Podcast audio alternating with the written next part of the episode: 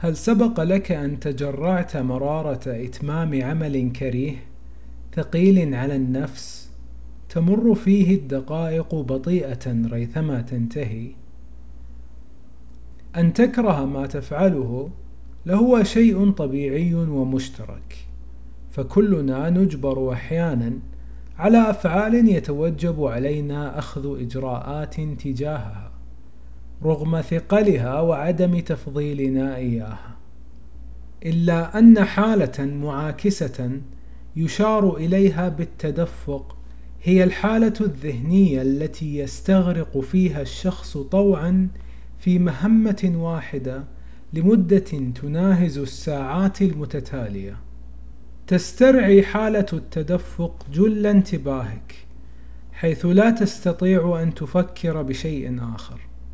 فالمهمة تقبض بيديها على انتباهك بشكل كامل وحيث يكون استمرارك في أدائها أحب إليك من قطعها بمهمة أخرى.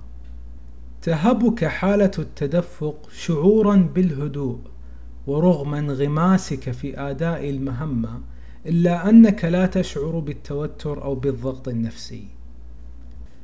تتسم المهمة التي تعينك على الوصول لهذه الحالة من السلام والرضا بكونها موجهة نحو هدف واضح ومحفوفة بنتائج مباشرة على أدائك.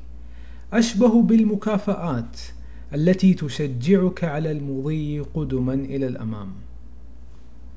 أما إذا كان الفعل أثناء آدائه رتيبا مملا وخاليا من التحدي فلن تتشجع لإكماله وسيفقد ذهنك انتباهه.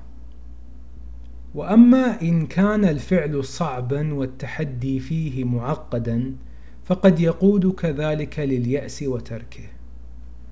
أما إذا كان الفعل متوازنا في الصعوبة فتلك هي الحالة الأمثل للانسجام.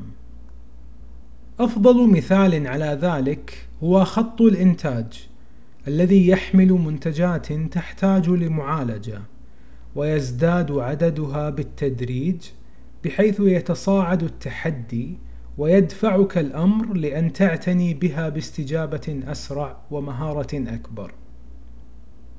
إن حرصت على وجود هذه الصفات في مهمتك فهكذا تدفع بنفسك نحو عمل تؤديه بإتقان وبرضا ذاتي.